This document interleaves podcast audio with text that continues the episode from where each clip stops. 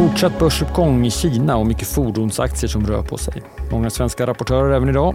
Och just nu ser Stockholmsbörsen ut att öppna i sidled. Du lyssnar på det Morgonkoll. Det är onsdag den 7 februari och jag heter Alexander Klar.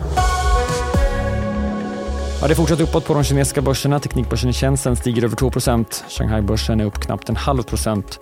Vi ser samtidigt en liten återhämtning och nedgång i Hongkong efter gårdagens rusning och det är även svagt nedåt på Tokyobörsen. Flera japanska fordonsaktier stiger idag efter rapporter från både Mitsubishi och Toyota i veckan.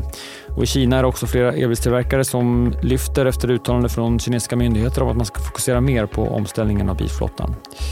Tungt går det för chiptillverkaren SMIC som faller efter sin rapport där bolaget spår att geopolitisk oro kommer att påverka bolagets intjäning. Wall Street kom igen på slutet och avslutade handelsdagen svagt positivt igår. Flera rapportörer rörde sig mycket. Palantir som rapporterade efter stängning i förrgår avslutade dagen upp över 30 procent. På tal om bilar så släppte Ford siffror efter stängning igår och allt var i stort sett bättre än väntat. Ford levererade en klart högre vinst än väntat. Även omsättningen kom in högre än väntat och vinstprognosen för 2024 likaså. Aktien steg efter handeln. Så ser det ut som en ny medieplattform är på väg att bildas i USA. Mediebolagen Fox, ESPN och Warner Bros Discovery ska skapa en gemensam streamingplattform där man delar på innehållet och äger en tredjedel av plattformen var. Anledningen är bland annat de allt högre kostnaderna för sporträttigheter, det här skriver Wall Street Journal.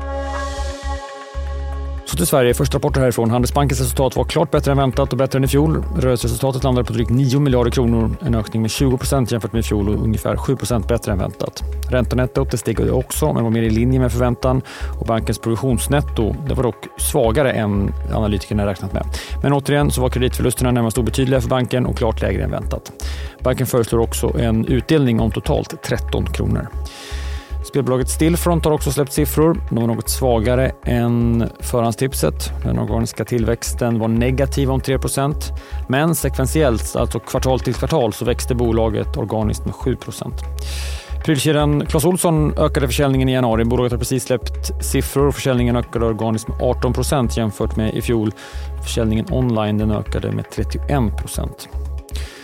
Sist om att teleoperatören Millicom har fått sänkt kreditbetyg. Kreditutvärderaren Moody's har nedgraderat bolaget till BA2 från tidigare BA1.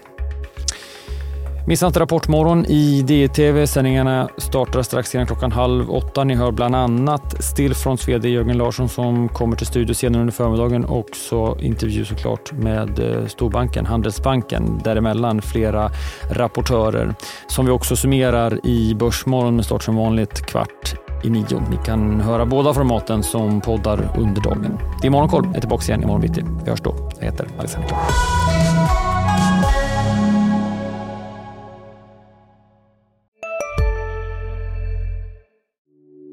Hej, Ulf Kristersson här.